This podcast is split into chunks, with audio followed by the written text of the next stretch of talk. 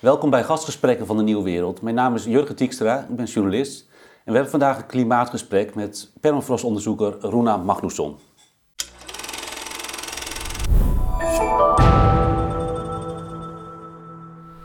Runa, fijn dat je er bent. Dank je. We gaan het over permafrost hebben. En uh, daar wil ik het graag met jou over hebben, omdat permafrost in, in, voor mij bekend staat als een van die onbekende verhalen van die klimaatverandering. En van dat je wel eens verhaal in de kranten leest dat er, als het daar opwarmt als de permafrost, de bevroren grond in de Arktisch gebied gaat smelten, dat er heel veel methaan kan vrijkomen. En ik wil graag weten hoe dat nou zit. En jij weet er alles van, want je bent ook in Siberië geweest de afgelopen jaren. Je bent net gepromoveerd aan de Wageningen Universiteit ja. op permafrostonderzoek. En je zat in Noordoost-Siberië, in Yakutië, dat is een deelstaat. Ja. En waar, waar, was je precies? Waar heb jij je onderzoek gedaan? Ja, in Yakutië dus. Um, het is erg moeilijk uit te leggen waar het precies is, maar je kan je voorstellen dat als je uh, ongeveer even ver oost zit als Japan, en dan een heel stuk naar het noorden, uh, bijna aan de Arctische Oceaan, dat is ongeveer het stuk van Siberië waar ik zat. Zo oostelijk als Japan zit ja. dat? Ja. Oh ja. En ik, ik las ergens dat je. Uh, Even kijken, de hoofdstad van Yakutië is Yakutsk. En, maar het is dan vandaar nog af 3,5 uur vliegen om bij het onderzoekscentrum te komen. Ja, 3,5 uur vliegen om bij de dichtstbijzijnde nederzetting te komen. En dan nog 2,5 uur met een speedboot over een rivier om op het onderzoeksstation te komen. Dus je bent uh, erg lang onderweg en je gaat door negen tijdzones. Dus uh, je komt aan in een compleet andere wereld. En als je vanuit uh, Nederland vertrekt, of als je nu zou vertrekken, hoe lang duurt het om daar aan te komen? Op die plek Ja. in Yakutië. En daar ben je meer dan een dag mee bezig. Ik denk twee dagen mee bezig. Maar om dat sommetje te maken in mijn hoofd wordt ook al heel raar vanwege zo'n overnachting die dan niet voelt als een nacht. Want je zit alweer halverwege een aantal tijdzones. Dus ik weet het niet eens precies. Ja, ja. En dan zit je dus hoog in het noordoosten van Siberië, waar een groot toendragebied is, waar permafrost is. En permafrost is grond dat minstens twee jaar op rij bevroren is. Ja. In ieder geval, eh, de, de bovenste laag ontdooit nog wel, Ja, maar de onderste lagen blijven bevroren. Ja, En dan kom je, er is een heel klein onderzoekscentrum geloof ik, dat tot voor kort werd gefinancierd ook door eh, de VU Amsterdam en, en de Russische instelling. En, maar dat is, en dat is, ik, ik las ergens, dat is 4 bij 8 meter, oh ja, een paar nee. bedden. Ja, het- een centrum klinkt eh, ja, als een centrum, maar het is meer een, een verzameling houten huisjes. Ja. En dan heeft eh, bijvoorbeeld de, de VU heeft daar een hutje en onze universiteit heeft een klein bouwkeetje. En ehm, ja, we, we financieren niet per se direct eh, ehm, het onderhoud van het station daar, maar we, ja, we hebben een samenwerkingsver of, nou, hadden een samenwerkingsverband tussen een universiteit daar en de natuurinspectie, de VU en de WUR, waarmee we onderzoek daar financierden, investeerden in infrastructuur, ehm, torens die broeikasgasemissies meten, apparatuur, eh, hutjes. Ja. Dus het was een eh, hele mooie speeltuin, maar wel erg primitief. Geen douche, geen internet. Je moest een heuvel opklimmen om telefoonbereik te hebben. En hoe ziet het daar eruit, dat toendragebied? Het is daar een laagland toendra, dus heel plat. Je kan ontzettend ver om je heen kijken en je ziet echt van die luchtspiegelingen aan de horizon. Hmm. En het eh, landschap is heel erg gevormd door dooimeren. Dus dat zijn hele grote meren als de permafrost lokaal gaat dooien. Dat je groeiende meren krijgt die ook weer kunnen leeglopen. eh meanderende rivieren. eh, heel plat dus. Ja, en, en de bewoning is dus heel ver weg. Ja, En wat voor dieren zie je daar om je heen? Of is het heel, heel leeg? nou, valt wel mee. Veel vogelsoorten, lemmings, vossen, eh muskusossen, maar die zijn wel uitgezet. En eh, als je pech hebt, een beer. Dat is volgens mij in de tijd dat daar onderzoek plaatsvindt misschien één keer voorgekomen. Ik heb dat zelf niet gezien. En, wat een ijsbeer? Of, eh? Nee, een bruine beer. Oh ja, precies. Ja. Die kunnen ook goed tegen de kou. Of Ja. het zijn die er alleen in de zomer? Ja. Ja, in de zomer. Ja, ze zitten meer in de boreale bossen, maar soms dan trekken ze naar de toendra's. En hoe zag je onderzoek er dan precies uit? Want je, sta, sta- is- je staat op in je hutje 's morgens vroeg en dan moest je naar een bepaald onderzoekspunt, meetpunt toe. Wat deed je dan precies daar? Ja, je staat op, je eet een heel groot bord pap. Want je werkt heel hard, dus je moet ook heel veel eten. En we hadden allemaal kleine proefveldjes eigenlijk uitgezet op de Tundra rondom het station. Waarin we dan over de jaren konden bijhouden hoe omgevingsfactoren veranderen in een veranderend klimaat. En ook veldjes waar we dan gericht bepaalde interventies deden. Zodat je een beetje kan simuleren wat er zou kunnen gebeuren in de toekomst. Zodat je die gegevens nu alvast kunt ophalen. En wat is een interventie? Iets dat ik zelf heb uitgevoerd is bijvoorbeeld het beregeningsexperiment. Omdat de verwachting is dat in een warmer klimaat er ook ehm, meer regen gaat vallen en meer extreme buien gaan vallen in het Arctische gebied. Dus als je dat goed wil bepalen, wat het effect daarvan is, dan moet je dus eigenlijk een vergelijking kunnen maken tussen veel regen en geen regen. Dus dan kan je gewoon in, in paardjes veldjes uitzetten. En op de mm. een zet je een sprinkler en de ander niet. Ja, ja precies. Maar uh, ja, je hebt een beetje pech gehad met je onderzoek de afgelopen jaren. Je bent dus vorig jaar gepromoveerd. En ja. de jaren daarvoor heb je onderzoek gedaan. Maar ja, natuurlijk de coronaperiode, ja. minstens twee jaar. En uh, in februari vorig jaar viel Rusland Oekraïne binnen. Dus zijn de, de, de relaties ernstig uh, ja, beschadigd. Het is zelfs zo, dus alle weet, uh, universiteiten in Nederland hebben een, een band met dat onderzoekscentrum opgezegd. Hoe zit dat precies? Ja, het is um, voor mij ook nog steeds moeilijk om in te schatten wat er precies wel en niet mag. Maar bijvoorbeeld transacties of samenwerkingsverbanden of contracten met Russische instellingen zoals universiteiten dat mag niet vanuit de Nederlandse universiteiten. En het zou goed kunnen dat dat vanuit Rusland ook helemaal niet mag. Dat weet ik niet.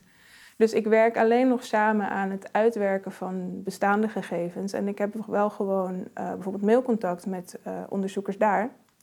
Maar nieuwe reizen, nieuwe meetcampagnes inzetten of zelfs het opsturen van samples van daar naar hier, dat zijn allemaal dingen die nu uh, niet kunnen.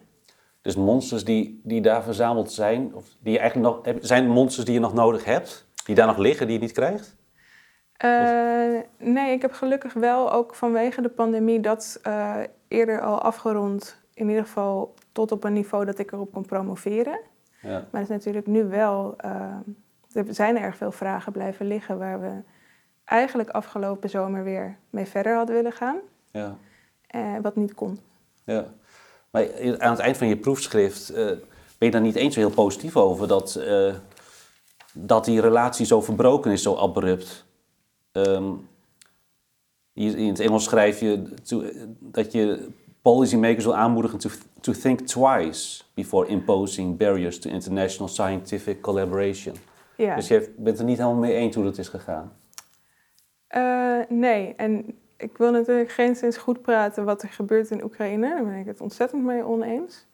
Um, maar omdat ook zo'n, uh, dat dat ook zo'n groot effect heeft nu op de wetenschap, uh, lijkt me een heel groot risico. Omdat Rusland een enorm groot land is, waar dus ook ontzettend veel koolstofreserves liggen in permafrost. Maar ook bijvoorbeeld in boreale bossen, waarvan een heel groot aandeel in Rusland ligt. Dus dat er onderzoek plaatsvindt in Rusland en dat er ook goed uitwisseling van gegevens kan plaatsvinden tussen Russische wetenschappers en internationale wetenschappers, vind ik eigenlijk wel te belangrijk om uh, op die manier te laten vastlopen. Maar hoe politiek kan permafrost zijn? Je zou zeggen dat is een soort objectief onderzoeksterrein. Wat, wat, wat, wat maakt het politiek dat er een politieke keuze gemaakt moet worden door universiteiten? Ik snap je vraag niet helemaal, denk ik. Nou ja, dus dat je, uh, dat je iets afwijst, uh, dat, je, dat je oorlogshandelingen afwijst, dat is natuurlijk logisch, dat je daar grote conflicten over hebt. Ja. Maar nu gaat het over gezamenlijk permafrostonderzoek. Waarom moet dat politiek gemaakt worden? Inderdaad, wat zou de reden zijn voor een universiteit om te zeggen, dit, is, dit, wordt, dit komt op politiek terrein en dan moeten wij een keuze gaan maken? Nou, dat, dan is het denk ik de vraag of, uh, of ze denken aan permafrost op het moment dat ze zo'n beperking instellen, toch? Ja. Dat, kan alle, dat, dat, is om een veel bredere reden dan permafrost nee, nee, precies, maar, alleen. Ja, permafrost heeft niets van met de oorlog te maken, kortom. Dus waar, waar, dat vraagt me af, waarom, waarom ben je zo ruksigloos in het afwijzen van alle Rus, Russische verbindingen? Als, als permafrost, het is ook uh, duizenden kilometers van het oorlogsterrein uh, vindt het plaats, het onderzoek. Waarom de, onze universiteiten dat ja. Eh, dan dat het politiek wordt gemaakt. Ja, het, maar zou het niet ook politiek zijn om het niet politiek te maken? Het zou ook politiek zijn om niet zo'n barrière op te werpen, denk ik. Omdat je dan impliciet iets uh, legitimeert, of, of, het, de regering van Rusland legitimeert. Omdat je, je zei ook eerder al, volgens mij, uh, die universiteiten, dat zijn staatsuniversiteiten, er zit een bepaalde staatsverbinding aan, aan het onderzoek dat, ja, dat, de Russische, Russische onderzoekers doen. Ik kan me voorstellen dat zoiets mee zou spelen, maar dat weet ik helemaal niet hoor. Nee, je hebt het, ook, je, je, hebt het besluit niet genomen. Nee. En je weet nee. Dus ik wil ook niet per se zeggen dat dat een heel slecht uh, besluit is, omdat ik natuurlijk ook voornamelijk focus op permafrost en het klimaat en misschien ook niet al het inzicht heb in wat er nog meer meespeelt. Nee, precies. Maar het is wel belangrijk in die zin van uh, het permafrostgebied in, in, op de Noordpool, in het Arctisch gebied, in Siberië, Alaska, op, op Spitsbergen. Dat is, een gigantisch terrein, maar er, er, is een, een, groot gebrek aan data en observatie, begrijp ik. En de, de data die er zijn, worden heel veel op Alaska uh, samengesteld. En dan ontbreekt er heel veel voor Russisch-Siberië. Ja, ja, en dat speelde al voor, het, voor dit conflict. Um, dat het uh, erg weinig is, dat, er zijn redelijk veel databases. Ik denk dat het ook sterk meespeelt inderdaad dat die verdeling zo scheef is. Veel meer kennis uit Alaska bijvoorbeeld dan uit Rusland. En lijkt Alaska op Rusland? Ja, dus qua met sommige dingen wel en andere dingen weer niet, denk ik. Um, uh, bijvoorbeeld het specifieke stuk waar ik werk is dus heel sterk een laaglandtoendra, maar ook met een hypercontinentaal klimaat. Dus voor een permafrost-ecosysteem heeft het eigenlijk een hele hoge temperatuur in de zomer, maar ook dan weer een extreem koude temperatuur in de winter. Okay. En uh, er zijn ook wat verschillen, bijvoorbeeld als je verder naar het zuiden gaat kijken in samenstelling van bossen die groeien op permafrost, dat dat heel sterk uh, gedomineerd is door larix in het gebied waar ik vroeger werkte. En in andere regio's misschien weer andere soorten naaldbomen. Dus er zullen zeker uh, dingen zijn die analoog zijn, maar dan bepaalde combinaties van factoren die heel typerend zijn voor dat gebied in Noordoost-Siberië. Waardoor je dat dus ook zou willen monitoren naast alle kennis uit andere regio's. Ja, en ook omdat er uh, heel veel grondijs is. Dus er zit heel veel vocht in de grond. En dat is een belangrijk uh, aspect van het onderzoek van of daar dus de ontwikkelingen veel sneller kunnen gaan, de smelt, door het uh, hoeveelheid vocht. En ja, we denken aan permafrost, eh, denk ik snel in Siberië en Alaska, maar er is, ook in Europa is permafrost. Tenminste, als we even Rusland er niet bij rekenen. Toch in gebergtes, kun je vertellen, waar is nog meer permafrost? Ja, in hooggebergtes, Alpen en Himalaya bijvoorbeeld. En iets waar bijvoorbeeld ook weinig over bekend is, is uh, permafrost onder zeebodems. Daar weet ik ook heel oh. weinig van. Maar lokaal heb je ook nog resten permafrost onder de zeebodem. En, en waar, weet je waar ongeveer? Welke oceaan of zee? Of? Ja, de Arctische Oceaan. Arctische Oceaan. Ja.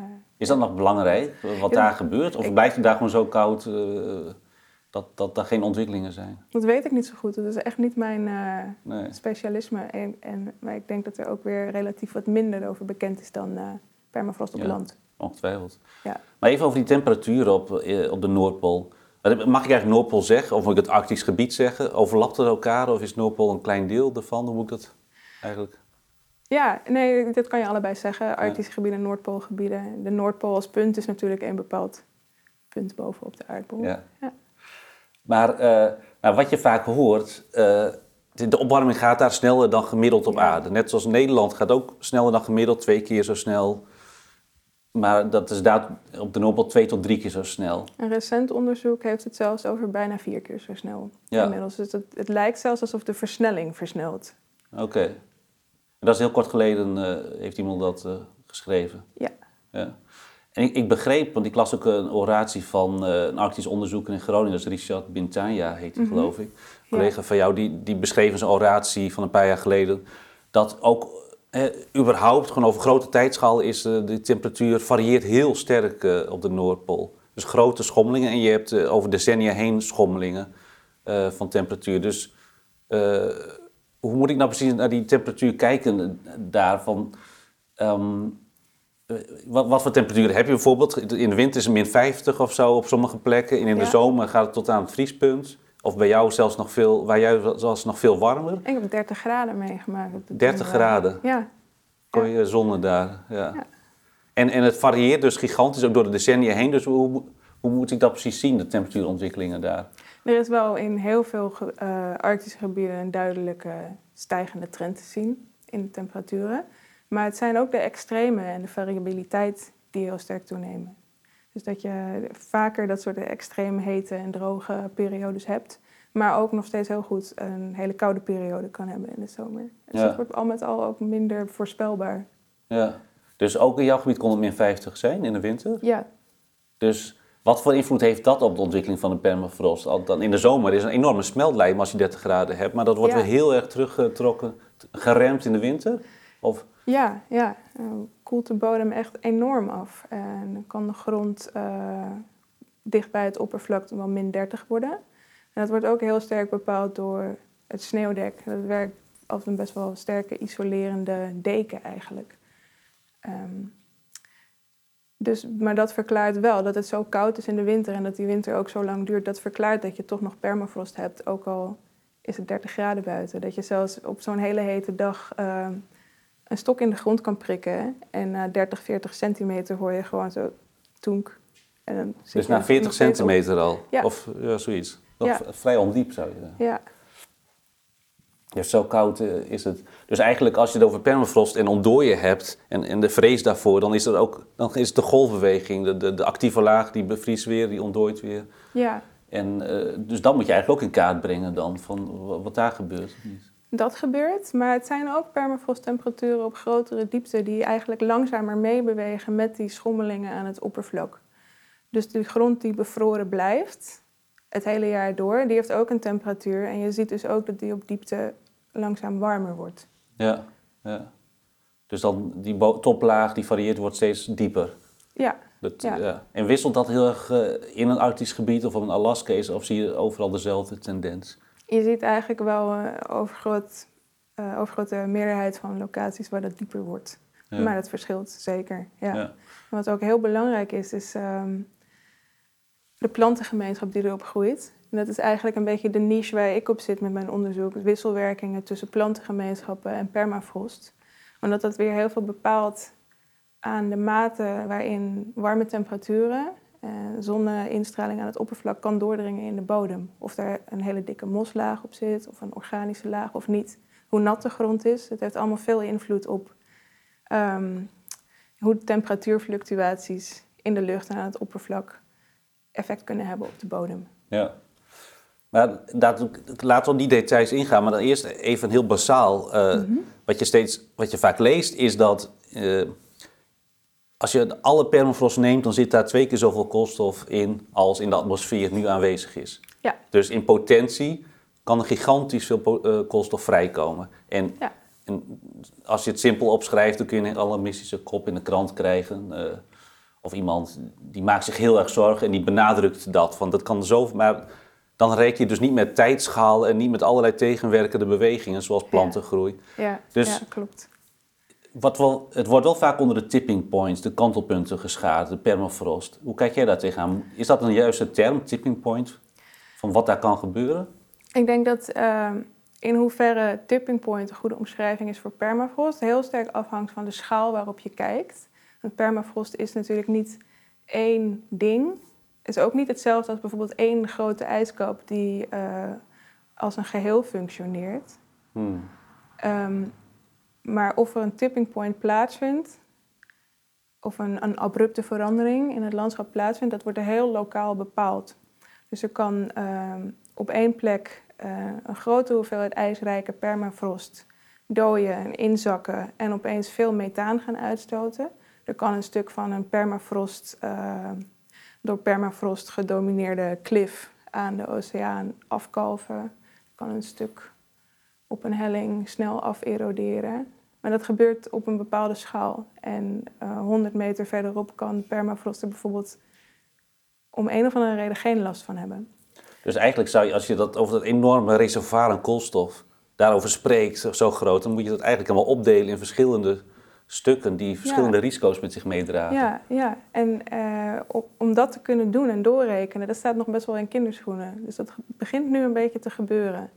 Ja. En een heel moeilijk ander aspect daarvan is dat bijvoorbeeld de modellen die het IPCC gebruikt, Het klimaatpanel. ja. ja, precies. Die, die opereren op een hele andere schaal. Dus die hebben wat minder van die lokale nuances ingebouwd in ja, hoe de, de aardbol wordt weergegeven.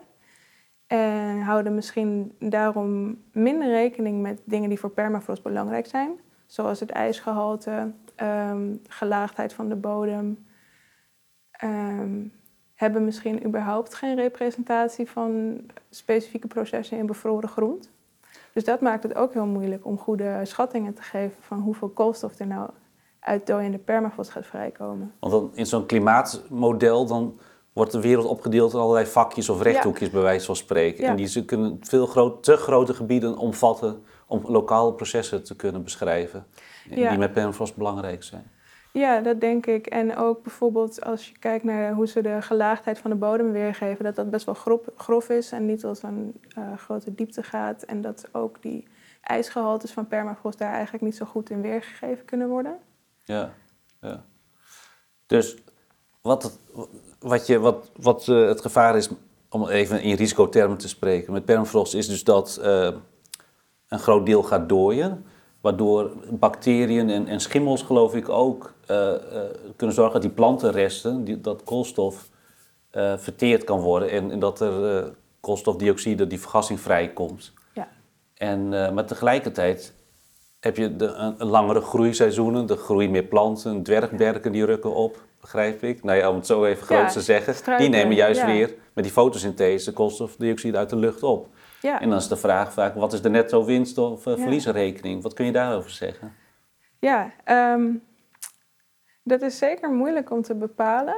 En je ziet vaak dat uh, modelstudies aangeven dat plantengroei zo gaat toenemen dat het een best wel groot deel zou kunnen compenseren. Maar dat als je op lokaal niveau gaat kijken, dat veranderingen in permafrost-ecosystemen en vooral weer ook die ijsrijke permafrost-ecosystemen ook de groeicondities compleet kunnen resetten. Uh, dus als je dat vraagt aan een veldexpert, uh, dan zeggen die meestal dat, um, um, dat dat kan nooit al die uitstoot compenseren. En dus ook nieuwere generaties modellen die wel rekening houden met lokale processen, landschapsevolutie, een ijsrijke permafrost en de vegetatiesuccessieprocessen, dus opeenvolgende plantengemeenschappen die zich daarin ontwikkelen, die concluderen dat ook. Dat houdt het niet bij. Nee. Dus dat is de consensus consensus, het compenseert niet volledig. Wat zijn de verhoudingen precies? Dat weet ik niet. Dat weten we echt niet. Nee. nee. Dus, nou in ieder geval, eh, je kunt zeggen van het is geen net of geen bruto is niet netto. Wat uitstoot wordt ook weer opgenomen ten dele. Dus het is ook niet dat al die koolstof alleen maar vrijkomt, nooit meer wordt vastgelegd. Er is, een, er is wel een, maar het dekt elkaar niet volledig. Ja. En, dat ligt ook misschien aan een tijdschaal, of, of, of 100 jaar, of al hoe lang dat doorgaat, die dooi eventueel. Of de duur is misschien de opnamecapaciteit van planten ook weer bevredigd. Of ja, dat zou, je ook nog, uh, dat, dat zou ook nog kunnen meespelen. Ja. ja. Maar de, de, laatste tijd is het dus. Uh, uh, dus dan, dan, dan zou je over een tamelijk lineair proces kunnen spreken, maar nu is het ook weer vrees, de laatste jaren begrijp ik, van dat er alineaire processen kunnen mm. spelen. Dus dat er in één keer versnelling kunnen plaatsvinden. Dat heeft met die, dat ijs uh, te maken dat in, in, in Siberië heel diep in de, of veel ijs in de grond zit. Dus als er dan veel water in zit, dan kan er ineens veel sneller een, een smelt plaatsvinden, waardoor de grond gaat verzakken en nog veel meer vrijkomt. Ja. Is dat nou echt een vrees, want daar moeten we rekening mee gaan houden? Of is, is, is dit echt een aanzienlijk risico dat er versnellingen kunnen plaatsvinden lokaal? Ja, ik denk dat dat wel veel implicaties heeft voor hoe we koolstofemissies uit permafrost framen. Ja. Dus de enige modelstudie die, waarvan ik weet, die heeft geprobeerd om dat door te rekenen, concludeerde dat je eigenlijk 40% meer uitstoot zou hebben als je rekening houdt met dat soort processen. 40% vind ik dan toch wel aanzienlijk. Maar dat is lokaal, wat lokale plekken. Dat is uitgerekend, ja, dat hebben ze dan geëxtrapoleerd over heel Alaska. Maar kan je dat over zo'n groot gebied zeggen? Als het zulke lokale effecten zijn, die heel erg met de lokale condities van de grondijs te maken hebben? Nee, ik denk, ja, ik denk dat je er een inschatting van kan maken. Maar ik denk ook niet dat we moeten inzetten op het meten van elke vierkante meter van het Arctische gebied. Want dat kan natuurlijk nooit. Nee. Dus, dus je, je, ziet het risico daar wel van. Uh, dat het echt, echt belangrijk is om daar heel goed op te letten. Ja, ik denk dat het goed zou zijn om dat uh, breder te inventariseren. Ja, ja maar Ja, maar er moet nog veel geïnventariseerd worden. Het is Ja. wel onduidelijk. Ja, Ja, er is één, Ja. één modelrekening is er geweest op dat punt.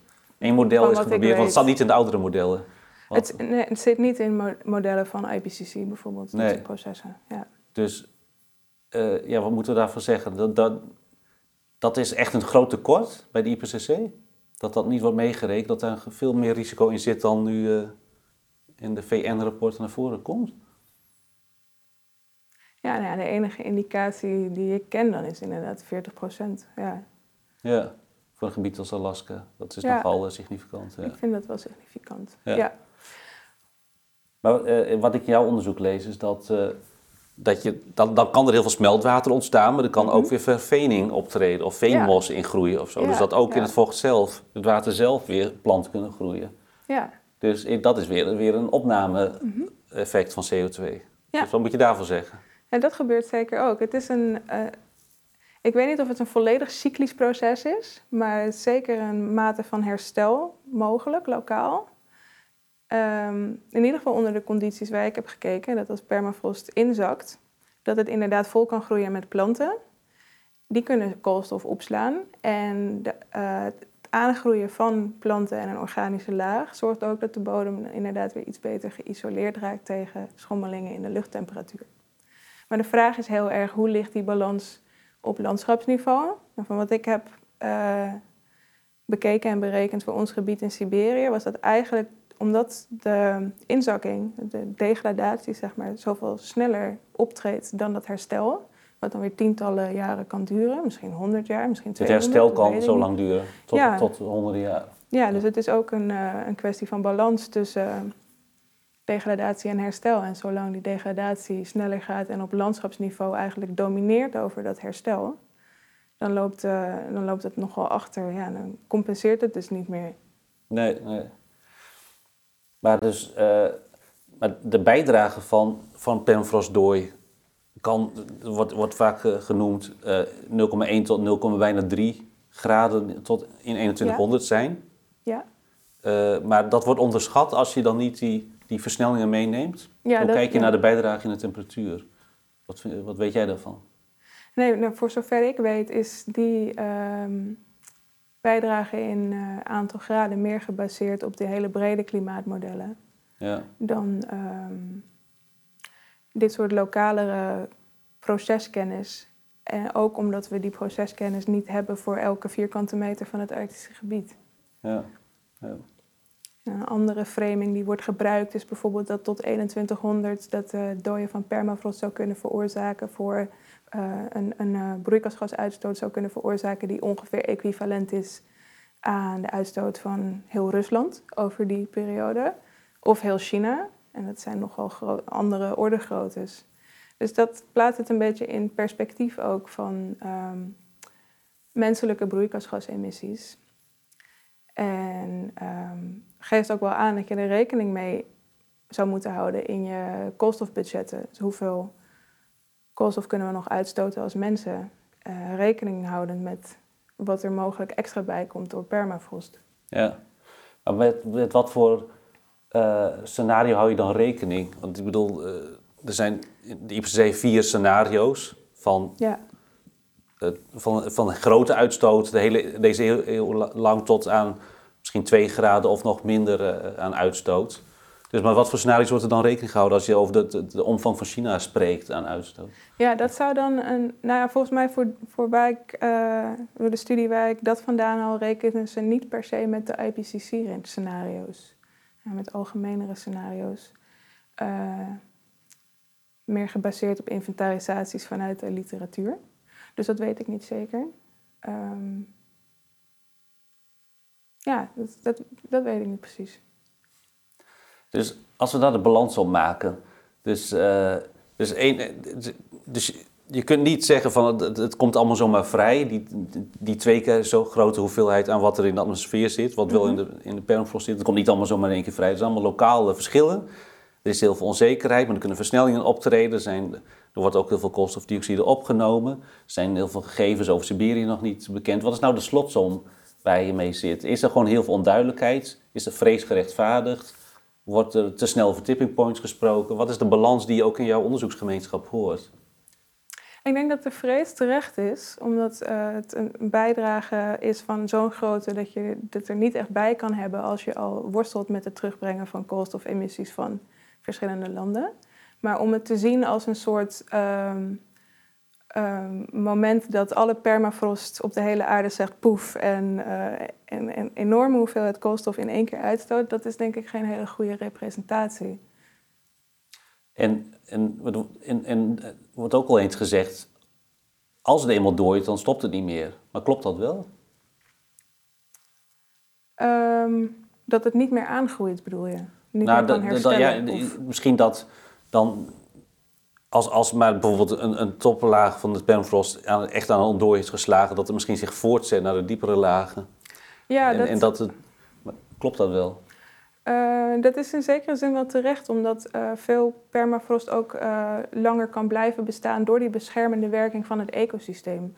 Dus doordat je moslagen hebt en bedekking van bomen en dergelijke, dat de permafrost lokaal ook in stand blijft als het ietsje warmer wordt. Maar als permafrost ehm, degradeert, of stel er, er, vindt een bosbrand plaats of een toendrabrand of zo, dan heeft dat, leidt dat tot een reset van die oppervlaktelaag. En dan kan het zomaar zijn dat het niet meer teruggroeit in dezelfde mate als daarvoor. Dat het klimaat en de stijging van de temperatuur uh, daar vat op krijgt. En dat die beschermende werking wegvalt. Ik denk waar ze in uh, krantenartikelen meer naar refereren, is het feit dat uh, dooien van permafrost dan net die 0,1 tot 0,3 graden extra verwarming veroorzaakt, wat dan weer net wat extra permafrost dooi oh. veroorzaakt, et cetera. Dat het een soort uh, zichzelf versterkend effect is.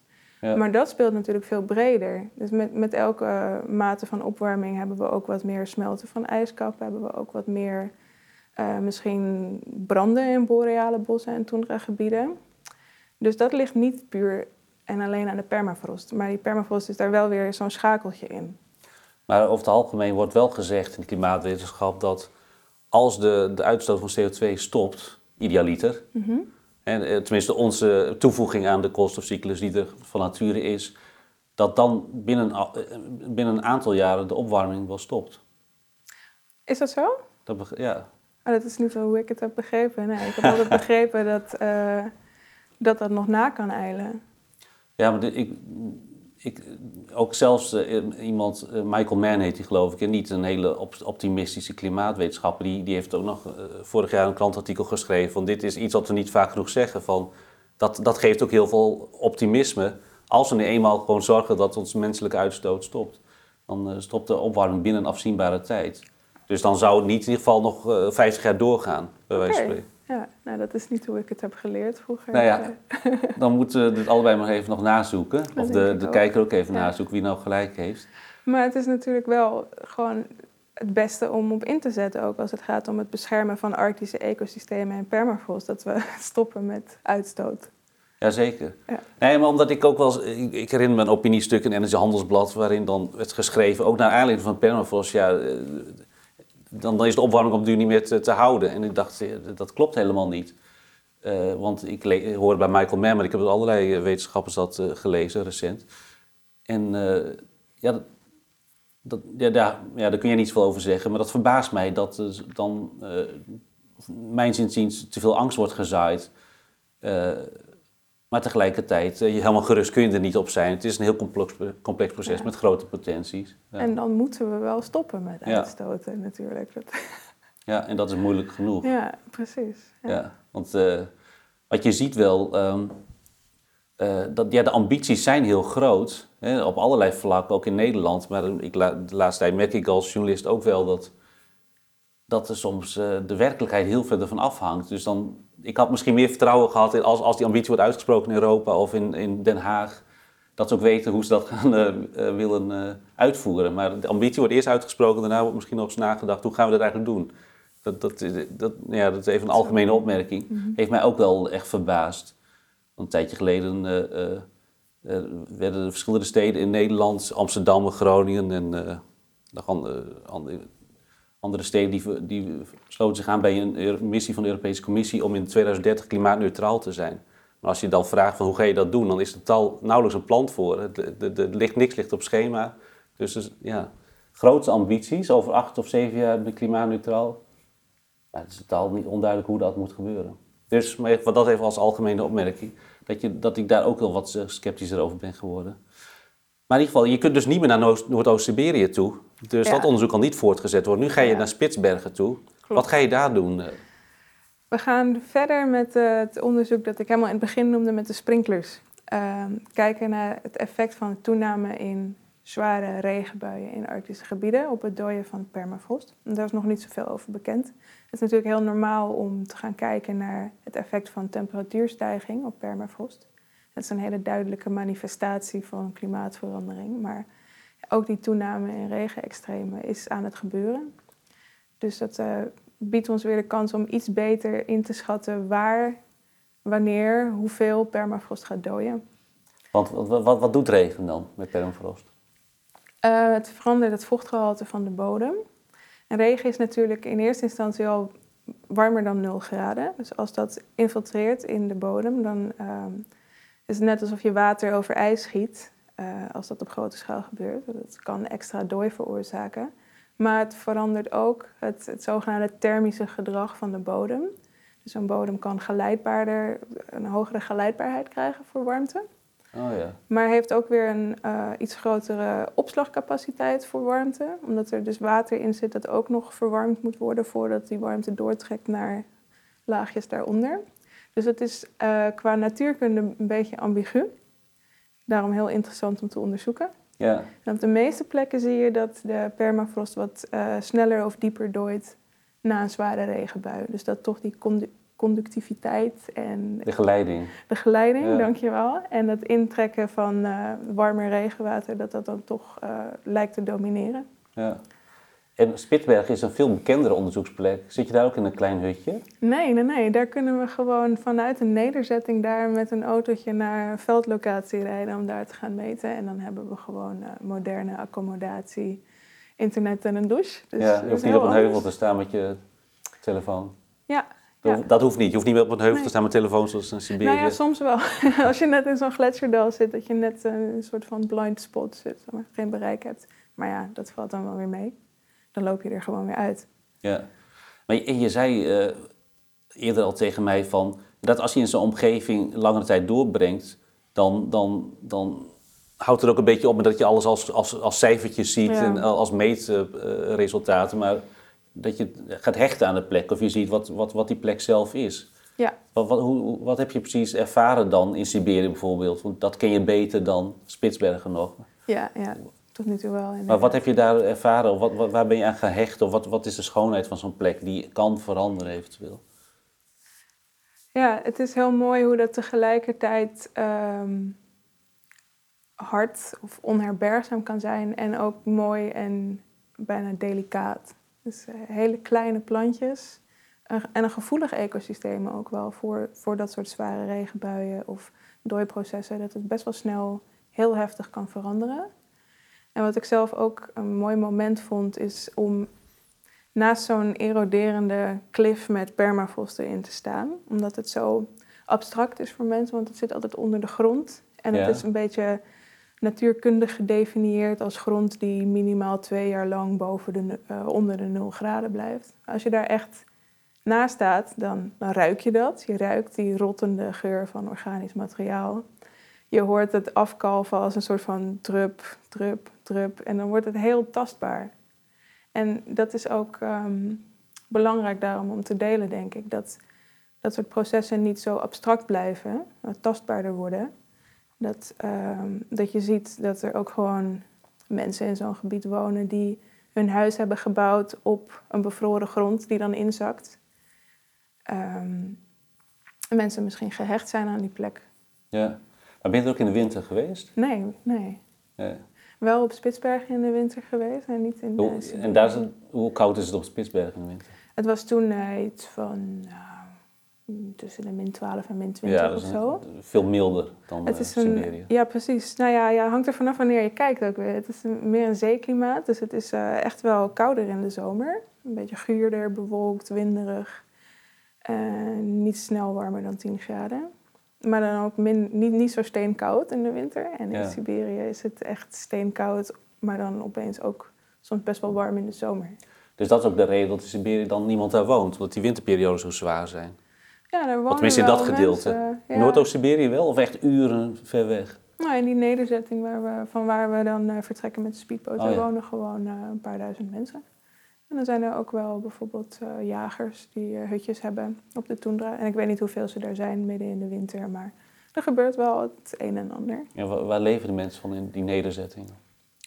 Weet je dat niet? Eh, nee, dat weet ik niet precies. Volgens mij sommige mensen van de visserij, andere, andere van, volgens mij is er ook een energiecentrale of zo.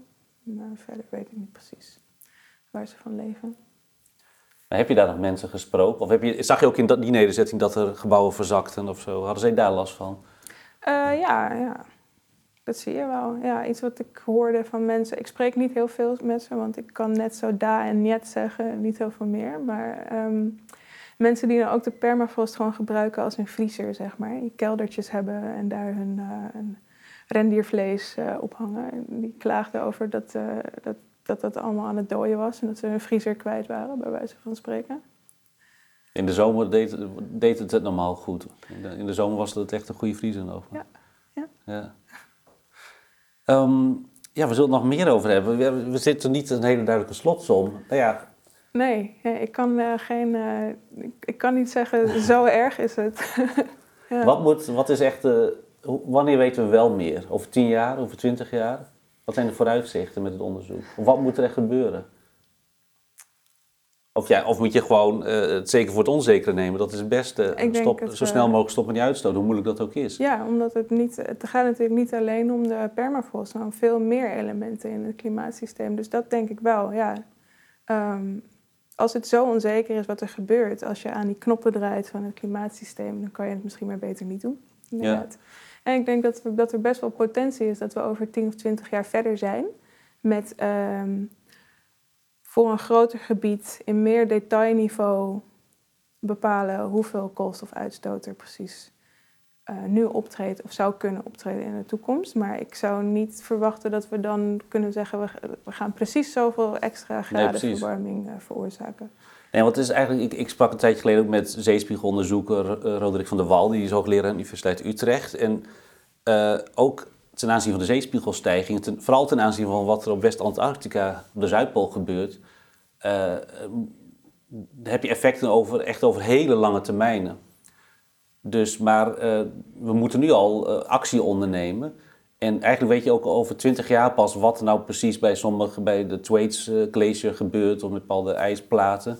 Dan weet je pas echt of het nou regionale of, of, of interdecale variaties zijn Ja. op decennia schaal, of dat het toch daadwerkelijk dat warme water dat daar onder die ijsplaten zit, Ja. eh, toch door de klimaatverandering door mensen komt. Dus nou, da- daar zie je hetzelfde, dat je eigenlijk, eigenlijk al twintig jaar verder wil zijn. En, Ja. Maar de suggestie is wel van als we die twee graden be- behalen, dan lijkt het bij hem ook wel, even heel simpel gezegd, met een sisser af te lopen eigenlijk. En dan, dan, ja, dan- dan, iets, dan echt grote zeespiegelstijging krijg je niet. Maar dat is ook nog weer onzekerheid over. Hoe, hoe zit jij, denk jij in die twee graden? Weet je daar iets van? Als je op dat Parijsakkoord, als dat zou Ja. lukken. Volgens mij, het huidige beeld is dat er bij 2 graden temperatuurstijging alsnog een best wel aanzienlijk deel van de permafrost zou kunnen verdwijnen. Dus de, de oppervlakkige permafrost, de bovenste meters. Ehm, een kwart of zo. Ehm, weer met een hele grote onzekerheidsmarge. Of het eh, veel lager of veel hoger is, dat weet je niet precies. Maar dat is nogal wat, vind ik. Dus Ja. dat is toch wel ehm, een aanzienlijk deel van het huidige permafrostgebied. En hoe lang is dat permafrost er al? Door de eeuwen heen al? Ik bedoel, je hebt eigenlijk gewoon in Europa breed een opwarming eh, vanaf eh, begin 19e eeuw dat de kleine ijstijd is eh, afgelopen. Dus je zou Ja. zeggen vanaf die tijd, al, al, in ieder geval die tijd daarvoor, is het altijd permafrost daar geweest in die gebieden. Wat weet jij ervan? Oh, of is het zelfs al duizenden jaren? Veel? Dat weet ik niet precies eigenlijk. Ik heb niet zo'n heel erg eh paleo-perspectief erop Nee. gezegd. Ik geloof wel dat de, de snelheid waarmee dat nu verandert wel redelijk ongekend is. Ja, ja, Ja. Nou goed, we moeten gewoon eh, het onderzoek in de gaten blijven houden. Ja. En eh, over tien jaar praten we verder. Ja, ja. Oké, Roena, hartstikke bedankt voor je tijd. Ja bedankt En voor veel de succes op. Spitsbergen. Heel erg bedankt. Dank voor het gesprek. Ja, graag gedaan.